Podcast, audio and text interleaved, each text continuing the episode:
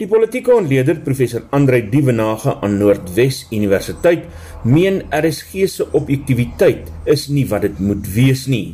Hy beskuldig ook mede-ontleders van onprofessionaliteit. Dit volg nadat Dievenage sy mening oor die ANC en die toekoms van president Cyril Ramaphosa op twee van RSG se programme moes verdedig in wat hy meen 'n georganiseerde aanslag teen hom was. Hy het aan Nuuspot vertel wat gebeur het.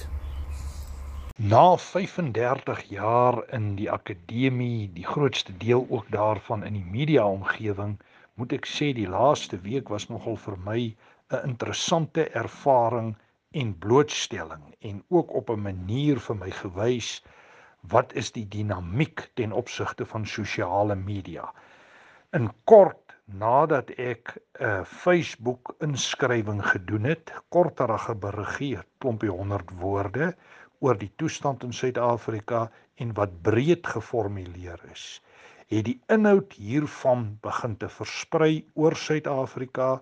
Sommige individue het dit op WhatsApp beskikbaar gestel en toe ek weer hoor, toe stuur dit skokgolwe deur die land. Dit het veral daaroor gegaan dat ek kommer uitgespreek het oor die onstabiliteit in die regering en die toekoms van meneer Ramaphosa as president aangesien daar getuienis was dat daar dreigende gevare vir hom was en die skrywe was om dit te identifiseer en moontlik hom in staat te stel ook om 'n bietjie daarna te kyk. Die kort en die lank daarvan was dat ek my in 'n situasie bevind waar RSG en Piet Kroukamp uh, teenoor my opgestel was met 'n gesprek wat met tye persoonlik verloop het en wat ek baie negatief ervaar het, maar tog gevoel dat ek my standpunt kon stel en kon aangaan.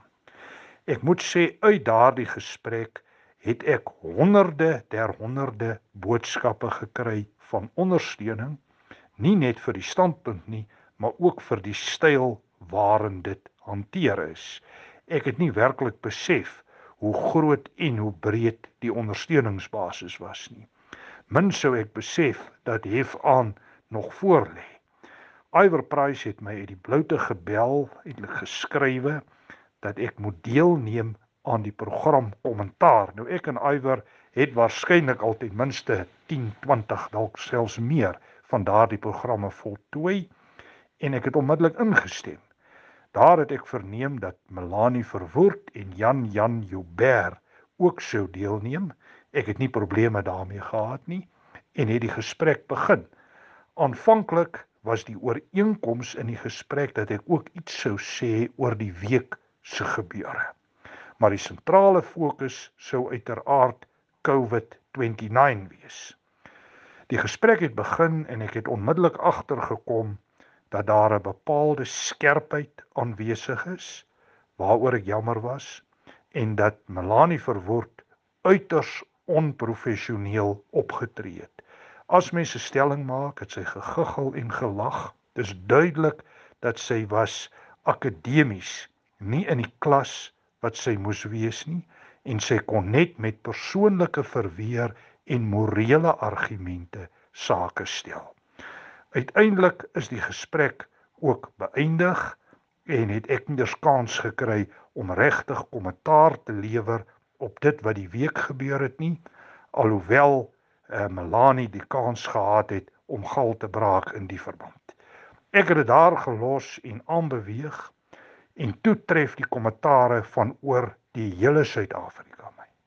As ek moet sê dat ek omtrent 1000 boodskappe van ondersteuning gekry het dan is dit reg.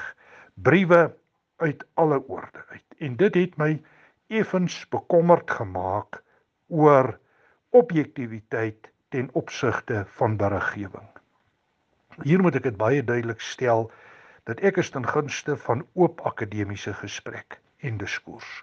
Dis die manier hoe jy goed verstaan, jy plaas standpunte op tafel, jy beredeneer dit. Maar dit is nie nodig om iemand persoonlik aan te val en al alhoewel jy van so 'n persoon kan verskil. Die manier sou wees om 'n ander argument daarteenoor te stel. Dit was nie my ervaring nie. My ervaring was dat jy moet die boodskapper doodmaak en jy moet alle standpunte afmaak as ideologie of as fopnuus. Ek is jammer daaroor en ek moet sê in my beeld het die objektiviteit van RSG ook seer gekry. Ek hoop wel ons kan dit regstel. Ek het met Iwer hieroor 'n gesprek gehad en die aanduidings is dat ons dit vorentoe sal kan regmaak. Wat my betref is dit belangrik dat ons 'n akademiese debat en diskurs voer oor die toekoms. Ons staan in geweldige onsekerte tye waar letterlik enige iets kan gebeur. Inligting, perspektiewe, rolspelers verander die hele tyd en my indruk is dat die volgende paar jaar vir ons uitdagende tye gaan oplewer. Ek is steeds van mening dat meneer Ramaphosa voor baie baie groot uitdagings staan en dat hy baie moeilik sy termyn gaan voltooi tot en met 2024. Ek het nooit gesê hy gaan noodwendig val nie. Ek het die uitdagings as baie groot gestel. En ek sien dit op die oomblik ook as baie groot en dit is waarskynlik 'n situasie dat hy sal moet besluite neem op die kort en die medium termyn vir sy oorlewing en in landsbelang. Die risiko is dat hy soveel kompromieë kan sluit met opponente dat ons eintlik sit met 'n afvlerk president wat dit baie negatief kan maak in hierdie tye. Ek dink belangrik en ek gaan voort met my gesprekke en ontledings van die politiek en ek wil sommer op hierdie wyse ook dankie sê vir die breë ondersteuning wat ek uit soveel oorde gekry het ten opsigte nie net van my standpunt nie maar ook in persoon. Verkeersboetes behels meer as 'n klein ongerief met minimale gevolge. Jy kan 'n kriminele rekord kry of probleme teekom as jy jou rybewys of motorlisensie hernie en die metropolisie kan jou by padplakkades lastigval om die boetes te betaal.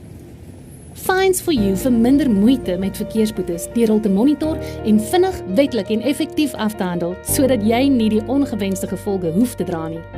Ons spesialiseer in groot vlote en streef daarna om jou geld te bespaar.